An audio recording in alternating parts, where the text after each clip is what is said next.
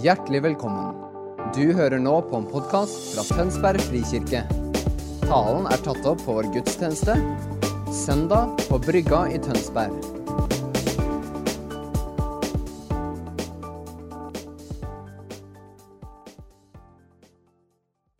Takk for gode ord og god søndag. Utrolig fint å få komme hit for besøke dere. Det er faktisk min, eh, Til tross for at eh, vi har vært venner med Tønsberg frikirke kjempelenge og kjent oss som familie med dere, så er det for min del første gang jeg er her. Eh, det er jo en skam med oss predikanter at vi må bli invitert til å tale før vi kommer, men sånn blir det av og til, dessverre. Men det er veldig fint å få komme hit. Jeg heter Egil Elling, som Camilla sa, og, og er en del av teamet i Imi-kirka i Stavanger. og Eh, bare lyst til å si på vegne av oss at for oss så betyr det å få høre sammen med dere i Tønsberg veldig mye. Eh, vi er forskjellige menigheter med forskjellig historie og forskjellige eh, særpreg. Men eh, det å få kjenne at en del av hjertet, og at vi er flere som drømmer om noe av det samme i landet vårt, det betyr veldig veldig mye for oss. Så glad for vennskapet både med Morten og Camilla og flere andre kjente ansikter i salen. Og, og glad for å få bruke denne dagen med dere. Um, jeg vet at dere uh, denne våren går gjennom romerbrevet. Og så har dere hatt en pause nå i mars i forbindelse med bønnekonferanse. Og så er vi kommet til romerbrevet 9. Jeg skal være ærlig med dere helt fra starten av at når jeg kommer på besøk, så tenker jeg at det beste jeg kan gjøre, er å forsøke å dele noe fra mitt liv, mer enn å lese meg opp og dele hva jeg lærte. Så det blir ikke en veldig dyp utleggelse av Romerne 9 i dag, men jeg skal bruke den som et stupebrett for å dele noe som er på mitt hjerte. Og så håper jeg det blir til liv og velsignelse for dere. Eh, la oss be en kort bønn, og så går vi i gang. Jesus, eh, takk for at du er vår venn og vår bror og vår frelser. Og takk for at du ønsker å møte oss i dag. Jeg har bare lyst til å invitere deg, Hellige Ånd. Eh, du er her allerede, men til å fortsette å virke blant oss. Og akkurat nå til å puste liv i ditt ord. Vi ber deg om at du skal puste livet i ordet, sånn at det får treffe vårt hode og vårt hjerte og våre handlinger. Vi ber deg om at du skal puste livet i ordet, sånn at det får treffe oss i dag, men ikke bare for å være et ord for søndagen, men for hverdagen og for resten av uka. Vi ber deg om at du puster livet i ordet, sånn at det treffer oss som, som, fellesskap og som kirke, men også at det kan treffe oss individuelt og personlig der vi er i vår vandring med du. Så du er velkommen, Hellige Ånd, til å til å virke i den enkelte og til å virke på forskjellige måter. Og til å la dette ordet gå fra ord til liv. Amen. I Romerbrevet kapittel 9 så eh, møter, åpner egentlig Paulus med å bare lette hjertet sitt for noe som er en smerte for han, en sorg for han. Han, han, han, han åpner dette kapittelet med å egentlig skrive om sitt eget folk, Guds folk, israelsfolket, og alt det de egentlig har og skulle ha, men som de, han ser at de går glipp av. Han skriver at jeg bærer en stor sorg i hjertet, jeg plages uavbrutt. Ja, jeg skulle gjerne vært forbanna og skilt fra Kristus, om det bare kunne være til hjelp for mine søsken, som er av samme folk som meg. De er israelitter, og så ramser han opp. De har retten til å være Guds barn, de har retten til herligheten, paktene, loven, tempeltjenesten og løftene som tilhører de. De har fedrene, og fra de stammer også Kristus, han som er Gud overalt, velsigna i all evighet. Paulus ser alt dette her som folket han sjøl tilhører, og som er Guds folk, som vi møter i Bibelen. Alt det de egentlig skulle ha tilgang til. Og så, og så, bare legger han ut denne sorgen over at de ikke har grepet det. At de ikke fullt ut får leve i det. Og, øh, og letter en smerte over det. Og så kommer det et ganske langt avsnitt som jeg ikke skal si mye om. men men, men, hvor han drøfter dette om å, og bare slå fast at det, at det er sånn, betyr ikke at Guds ord og Guds løfter har slått feil.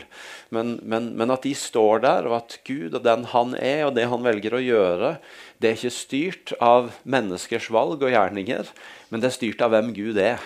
Han er den han er, uavhengig av menneskers valg, og det står fast også i møte med israelsfolkets valg. Og så avrunder han kapittelet fra vers 30 med å si hva skal vi så si? Jo, hedningene som ikke har jaga etter å få rettferdighet, de har vunnet rettferdighet. Det vil si rettferdigheten av tro. Men Israel, som jaga etter loven for å vinne rettferdighet, nådde ikke fram. Hvorfor ikke? Fordi de holdt seg til gjerninger og ikke til tro.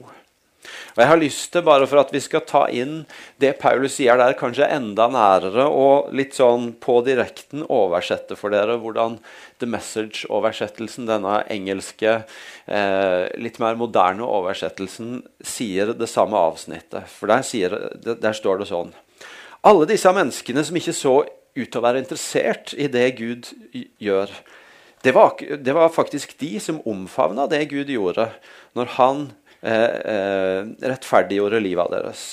Og Israel, de som virka til å være så interessert i å lese og snakke om det Gud gjorde, de gikk glipp av det. Hvordan kunne det skje? Fordi at de i stedet for å stole på Gud, tok over sjøl. De ble så oppslukt av det de gjorde sjøl. De ble så oppslukt i sine egne gudsprosjekter at de ikke fikk med seg Gud rett foran dem, der han sto som en stor stein på midten av veien. Og Derfor så eh, snubla de forbi han. Det er noe i den dynamikken Paulus holder opp her, som vi egentlig møter gjennom store deler av romerbrevet, som handler om denne kontrasten mellom å leve et liv basert på det en sjøl får til, og tenke at det er det som skal ta meg inn til Gud, til hans nærhet, til hans gaver, til oppfyllelsen av hans løfter. Eller denne her mottakerposisjonen av at det handla ikke om det jeg gjorde i det hele tatt, men det handla om han som gir, og det han ga. Og Allerede i kapittel fire er det et sånt vers som, som, på en måte er litt sånn in your face om akkurat den virkeligheten og det valget. For der skriver Paulus i vers fire den som har gjerninger å vise til, får lønn etter fortjeneste, ikke av nåde. Han setter opp en sånn kontrast som egentlig er ganske sånn Oi! Ja, hvis du baserer deg på det du sjøl får til, enten med livet ditt eller i gudsrelasjonen din, eller på ulike vis tenker vi, vi kan jo komme til hva vi har fortjent, både ut ifra alt det vi har utretta, og noen ganger ut ifra det vi ikke fikk til, men at vi syns vi har vært utsatt for mye, så mye urett at vi fortjener noe av den grunn. Men hvis du lever i den virkeligheten, så, så får du også lønn etter det. Etter det du har å vise til. Og så sier han ganske sånn tydelig og ikke av nåde. Som er den andre virkeligheten Paulus holder fram. Og så Hvis vi tar med oss det inn i kapittel 5, så gir Paulus noen sånn ganske eh, sterke skildringer av hvordan et liv i nådens virkelighet ser ut. Når han f.eks. sier sånne ting som i kapittel 5, vers 15. Men nåden, Guds gave, er noe uendelig mye større. Den gis i overflod til de mange av nåden fra det ene mennesket Jesus Kristus. Nåden, Guds gave, er noe uendelig mye større. Den gis i overflod. Det er som hvis du kommer inn i et rom hvor nåden er, så er det ikke sånn at du må leite for å finne nåden. Nei, det er overflod av nåden. Så hvis du kommer inn i det rommet, så kan du ikke unngå å komme i kontakt med den. Det er en sånn virkelighet hvor kommer du inn i den virkeligheten, så går du ikke klar av det livet som Gud skjenker gjennom nåden. Og så sier han i vers 21.: For slik som synden herska gjennom døden, skal nåden herske gjennom rettferdigheten og gi evig liv ved Jesus Kristus. Nåden hersker. Det er et sterkt ord. Det, hvis vi er i bildet av rommet, så tenker jeg at det er litt sånn at hvis du kommer inn i det rommet hvor nåden er, og nåden hersker, og du har med deg noe som, som på et vis er, er, prøver å, å, å, ta makt over deg, ta kraft over deg, så, så har du ikke sjans til å vinne i det rommet. For der inne er det nåden som bestemmer. Der inne er det nåden som hersker. Hvis det er en annen hendelse, en historie, en kraft som vil holde sin makt over deg, og du kommer inn i det rommet, har ikke sjans. Fordi her inne er det nåden som hersker. Her er det nåden som er overflod. Og det er denne kontrasten her. Vil du leve et liv hvor du får lønn etter det du har fortjent, eller et liv hvor det er denne nådens virkelighet av overflod, hvor nåden hersker? Det er det igjen Paulus er tilbake til i kapittel 9, hvor han sørger over at israelsfolket vil ikke ta, ta, ta imot. De vil, ikke, de vil ikke inn i den virkeligheten hvor de har alt dette de kan ta imot. Men de har valgt et liv for lønn etter fortjeneste. Og dette er noe som ikke bare angikk de, men som angikk oss alle. Og jeg tenker at helt dypest sett så utfordrer det oss alle på tar det oss tilbake til dette med om vi, om vi velger å leve et liv hvor det er Guds kjærlighet og det alene som får være fundamentet for livet vårt. Vi, om, vi, om, vi, velger å lande der med livet vårt at det, det, er det vi får ta imot, ikke det vi utretter. Det er det at vi er elska, ikke det vi har fortjent, som er plattformen for alt i livet vårt.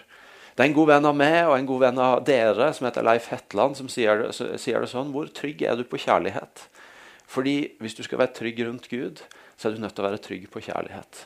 Fordi 1. Johannesbrev 4 sier Gud er kjærlighet. Så jo mer trygg du er på kjærlighet, på å være elska av Han, jo tryggere vil du også være rundt Han. Og så tenker jeg det er sånn at alle vi som er her inne, må gjøre vår egen reise med Guds kjærlighet må gjøre vår egen reise med det å lande inn i den virkeligheten Paulus vil ha israelsfolket og oss inn i. Av å være mottakere, av å leve liv fundamentert ikke i hva vi fikk, eller hva vi utretta, eller hva vi hadde fortjent, men i hva vi fikk motta, og hvordan vi er elska. Og det ser forskjellig ut. Og det er noe av invitasjonen, tror jeg, å la det gå fra et generelt prinsipp til en personlig reise. Jeg har en god venn hjemme i Stavanger som hans troshistorie, hans livshistorie, det er en kamp rundt dette ene spørsmålet er jeg verdt å bli elska. Han har en bakgrunn, han har opplevd ting i sin oppvekst og i sine tenår som gjør at i mange år så var hans store spørsmål er jeg verdt å elske. Og så er hans reise med Gud det er et nydelig vitnesbyrd om at nettopp inn i den dype smerten som gjør at, at han helt grunnleggende lurte på er det vits at jeg lever fordi jeg er verdt å elske, er akkurat det punktet som Guds kjærlighet har fornådd inn i, og som gjør at det er blitt forløst og snudd rundt til noe vakkert som han får gi videre til andre. Fordi at han i dag må være et av de menneskene jeg kjenner som lever med en størst trygghet på den han er. Fordi Guds kjærlighet fikk lov til å komme inn i det rommet og det spørsmålet. Og så har du meg, som, som, har en helt annen tilnærming til det spørsmålet. For jeg må være ærlig og si at Og det høres kanskje litt, litt mer ovenpå ut enn det er meint å være. Men jeg, jeg har aldri syntes det har vært spesielt vanskelig å tro at jeg elsker.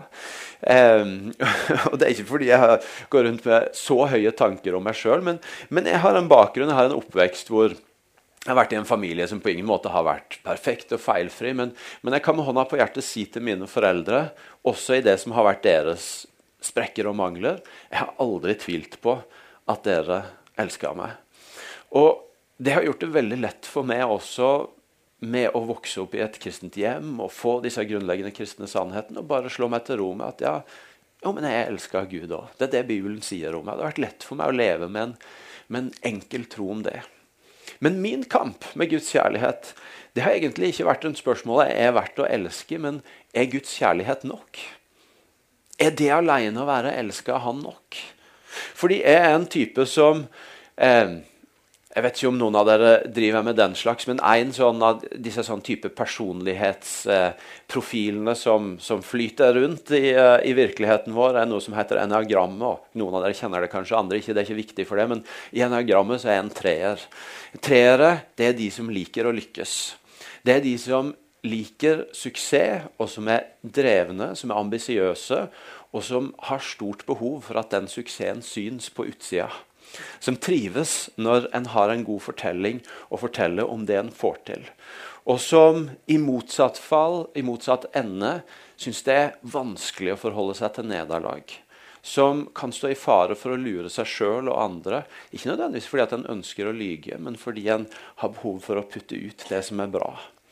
Jeg jeg er 40 år og jeg skal på ingen måte bli toppidrettsutøver. Men som Kabila sa, neste helg så skal jeg løpe mitt første maraton i Paris. Jeg prøvde for to år siden i Stavanger, og jeg løp feil, så jeg kom i mål etter 39. Så det er et stort mål for meg bare å fullføre.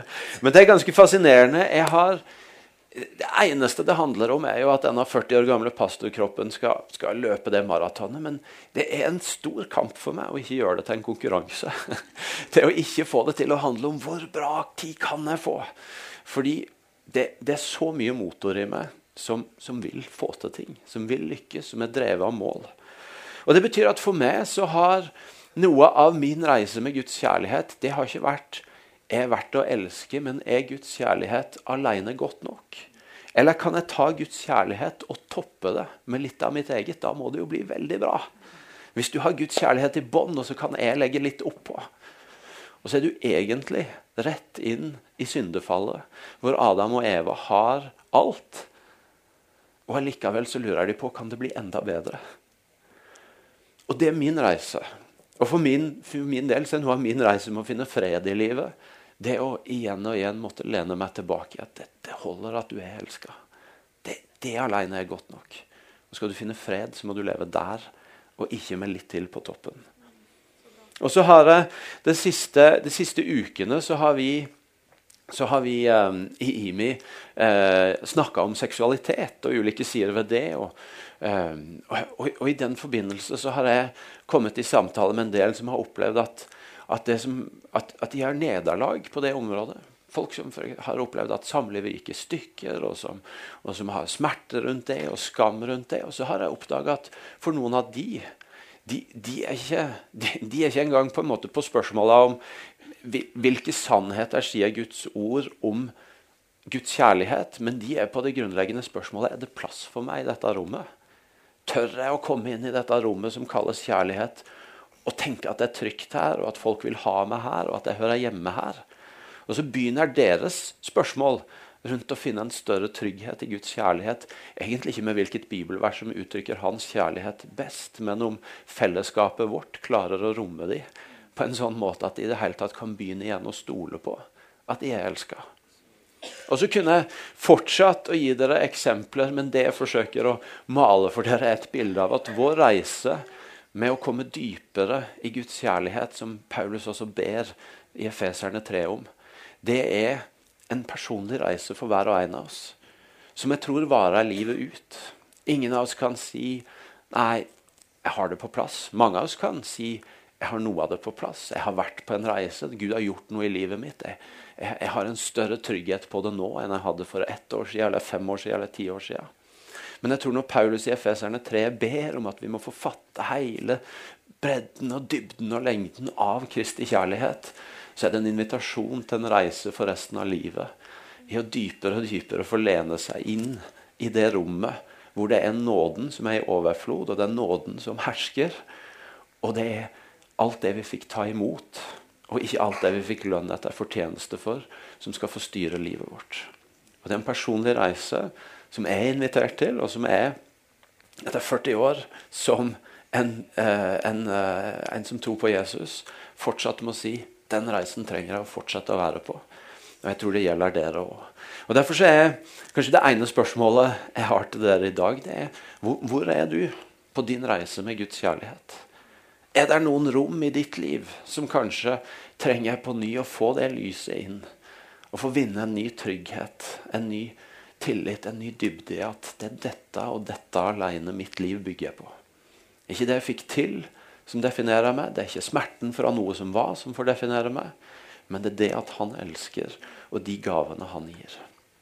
Og så har jeg lyst til å si i forlengelsen av det, som en andre del av det jeg deler med dere i dag, at jeg tror jeg vet at i vår kirke, og jeg tror det også gjelder for deres, så er noe av det som vi snakker ganske mye om, det er denne erkjennelsen av at kirka var meint å være en familie.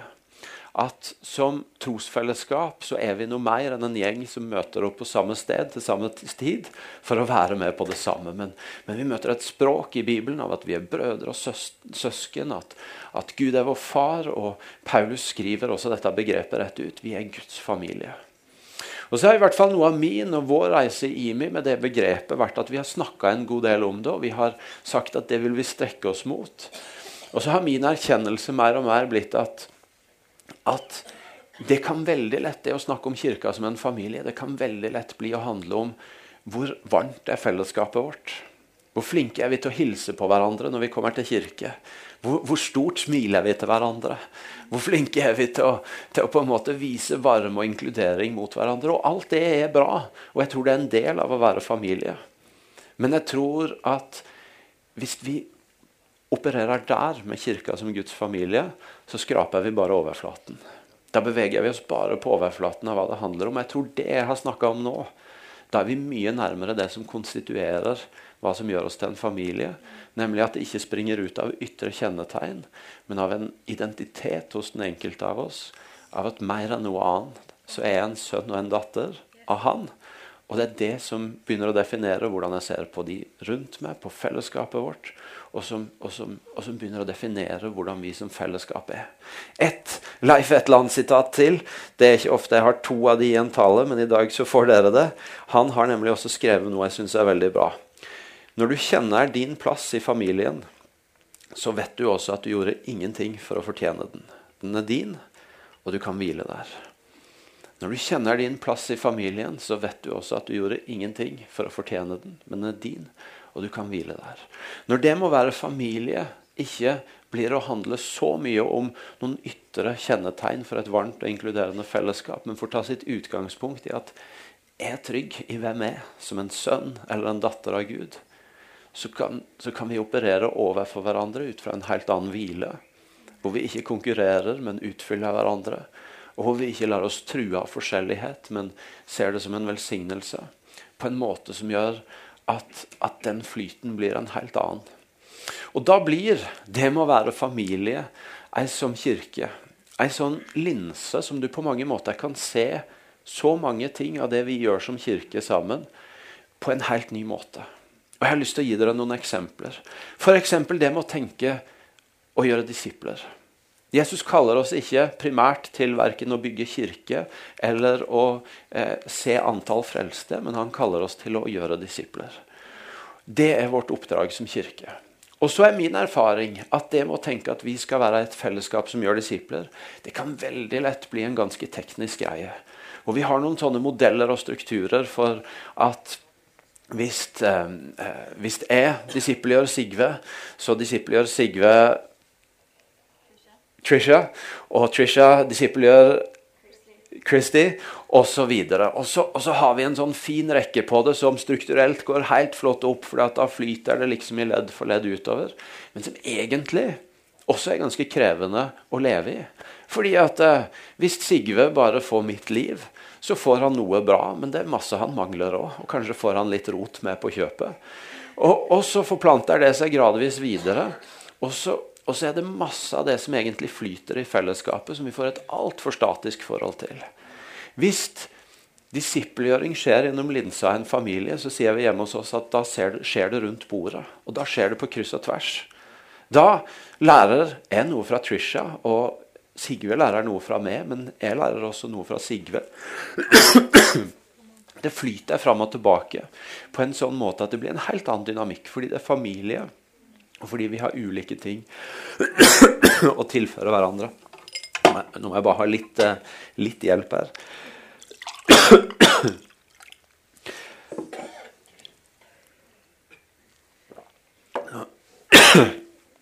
La meg gi dere et eksempel på hva jeg mener om det, så ikke det bare blir teori. Hjemme har jeg huskirke.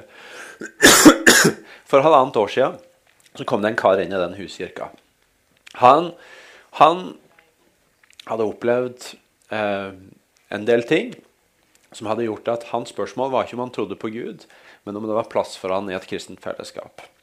Opplevde å ha gått på trynet på noen ting, på noen ting og tenkte jeg vet at Gud fins, jeg vet at jeg vil tilhøre Han, men, men passer jeg inn her? Så har vi fått gå på en reise med han.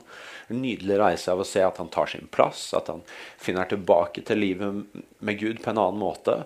Utrolig nydelig å høre han i det øyeblikket han sier Før alt dette skjedde, så var en av måtene jeg visste at jeg var en venn av Gud på, det var at jeg hørte stemmen hans. I disse åra har jeg aldri hørt Guds stemme, men nå hører jeg han igjen. En sånn nydelig, nydelig eh, reise av å se at han gradvis kommer inn og finner sin plass. Så sist høst så kommer det inn en kar og hans samboer som har en helt annen historie.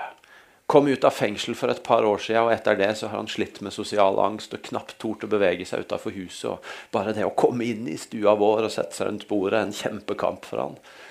Og han sier mitt spørsmål, grunnen til at jeg er her, det er for å finne ut Kan Gud finnes? Når jeg har opplevd alle de greiene jeg har opplevd, så syns jeg det er kjempevanskelig å tro at han finnes og at han er god. Og så kunne en jo tenke at da må jeg hente fram hele mitt arsenal av det jeg kan om Guds godhet, og begynne å så inn. Men det som skjer, er jo at min venn ved sida her, som har, begynt, som har funnet sin plass rundt bordet, og som har opplevd at livet har vært vanskelig, men at Gud var med i det, det er han som begynner å snakke inn i livet til den andre. Som sier 'ja, men det vet jeg noe om'. Jeg har opplevd mye vanskelig, og jeg kan fortelle deg Gud var der. Gud var i det. Og så er det dialogen de imellom som gjør at nå litt over nyttår Ikke bare dialogen de imellom, men det er en del av dynamikken. Når min nye venn fra nå i august sender en selfie av seg sjøl og samboeren fra bønnehuset vårt i slutten av januar. I dag gikk vi inn i bønnehuset og valgte å si ja til Jesus. Ja, ja hvis dere skal klappe, så klapp ordentlig. eh, og så hadde vi huskirke for noen uker siden, og så, og så sitter vi og snakker om, om, det at vi er skapt i Guds bilde, og hva det har å si for identiteten vår. På mange måter er mye av det som har vært første del av min tale i dag. Og så, eh, og så, og så sitter det ei som har kommet til i løpet av de siste månedene rundt bordet. og så, så begynner hun bare å grine og så sier hun, akkurat dette syns jeg er kjempevanskelig Jeg tror på Gud og jeg vil tilhøre kirka. Men det å tro at jeg blant alle milliarder mennesker skulle være noe spesielt for Gud, at ikke min verdi skulle ligge i at jeg må, jeg må gjøre noe for noen for å vise at jeg betyr noe, det syns jeg bare er helt utrolig vanskelig å få tak på. Og Så er det min venn som akkurat har tatt imot Jesus og begynt å deale med angsten sin og mange sånne ting, som sier ja, men det har forandra seg for meg den siste måneden etter at jeg ble kjent med Jesus. Og Så begynner han å fortelle om hva som skjer i hans liv rundt det å kjenne seg verdifull når han har tatt imot Jesus. Og så er det fortsatt ikke mine pastorale innsikter, men det er det som skjer rundt bordet mellom de. Der har du noe av familiedynamikken. At Når vi samles rundt bordet som familie og vi bringer med oss vår reise med Guds kjærlighet, de tinga vi bringer inn, så blir bildet så mye bredere enn hvis det går fra meg til Sigve til Trisha til nestemann. Um, en familie som konstitueres av en trygghet i det jeg bærer den reisen jeg har hatt med Guds kjærlighet, det han har fått gjøre i mitt liv, og det jeg kan bringe til det. Og Det gjør også at en annen ting som blir annerledes når familielinsa er linsa, det er dette spørsmålet hva gjør Gud nå? For jeg vet ikke hvordan det er med dere, jeg vet at i vårt fellesskap så er noe av det vi styrer mest etter, det at vi, vi forsøker å få øye på Gud, hva gjør du nå? Og så legger vi på et vis eh, Så lener vi oss inn mot det Gud gjør. Og så er min observasjon etter noen år i tjeneste etter hvert at veldig ofte så kan det Gud gjør, være lik der hvor det skjer vekst og framgang og noe bra. Og så, og så, blir det egentlig sånn at du kan nesten regne ut på forhånd hvor er det Gud holder på. Jo, fordi det, det er de som har de beste resultatene. Men så er jo erfaringa i familievirkeligheten at du kan se det med en helt annen linse. At Gud jobber både i smerten og i oppturene. Du vet, For meg som far jeg kan og, og, eller for å si det først, og at Gud, Gud, jobber i det som vi kanskje ved første øyekast ikke ser som noe prangende, men som vi allikevel, fordi vi, vi kjenner hverandre som familie, ser med et annet blikk. Jeg er far til tre på to og syv og ti. Og det er noen ganger jeg og Hildegunn, kona mi, ser på hverandre og feirer med blikkene våre ting de gjør som i alle andres øyne er helt vanlig utvikling for et barn. Men fordi vi er foreldre, så ser vi at det er et steg for de. Der torde de noe nytt. Der, der, der trådte de inn i noe nytt. Og så tenker vi yes! Og Sånn er det jo noen ganger i fellesskapet òg, at det, det, vi deler vitnesbyrd med hverandre som du kan si ja, men det på en måte var jo helt ordinært. Men så fordi vi er familie, så vet vi historien bak. Og så tenker vi nei, det var ikke ordinært. Det var et kjempestort steg i det menneskets liv. Og så blir den familielinsa en helt annen måte å se hvor jobber Gud på? Hva skjer her nå? Som gjør at vi ikke bare blir et fellesskap som handler om at der Gud er, det er der det skjer mest, det er mest vekst. Men vi, vi ser hverandre med et annet blikk. Og Så kunne jeg gitt dere andre eksempler på den lista, men, men uh, tida mi går her. Men det jeg hadde lyst til å dele med dere i dag, det var egentlig disse to tinga. Hvor er du på din reise med Guds kjærlighet? Den reise vi alle må ta. Og den er forskjellig for hver og en av oss fordi vi har forskjellige historier som gjør at spørsmålet som dukker opp i møte med det, er forskjellig. Det kan være verdt å elske, det kan være det Guds kjærlighet nok, det kan være det plass til meg her, det kan være andre ting. Men hvor er du i din reise? Og Det andre er denne invitasjonen til å ut fra det Gud gjør i livet ditt, ut fra å vinne en større trygghet i den du er, som elsker Han, og ta din plass rundt familiebordet. Ikke bare tenke på er vi familie eller ikke, basert på hva du ser av ytre trekk, men først og fremst plassere deg med den du er, rundt et bord og begynne å se mennesker, se familien, se forskjellige ting på en annen måte. Fordi du har fått ei annen linse å se det med, som en sønn eller en datter av Gud. Skal vi reise oss opp og be sammen?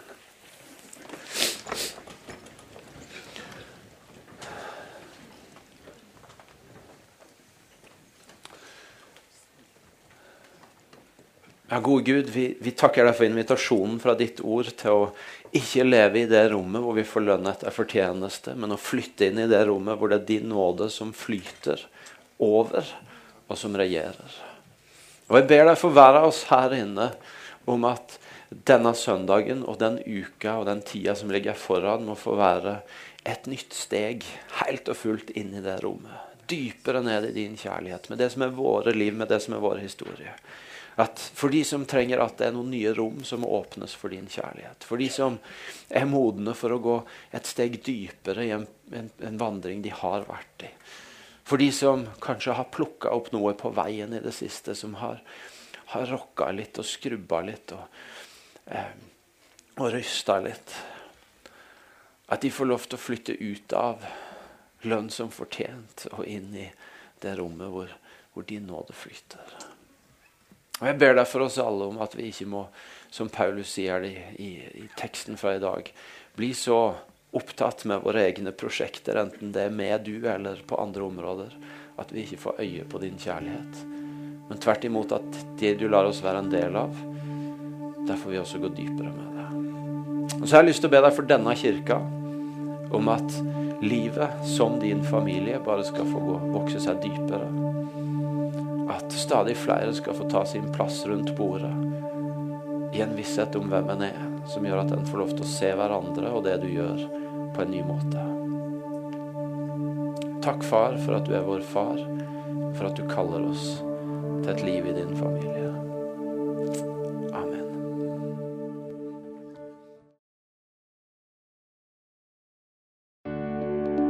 Takk for at du hørte på vår podkast. Har du spørsmål eller ønsker du å vite mer? Søk oss på vår nettside tonsbergfrikirke.no. Du er også velkommen til kirke på Brygga i Tønsberg.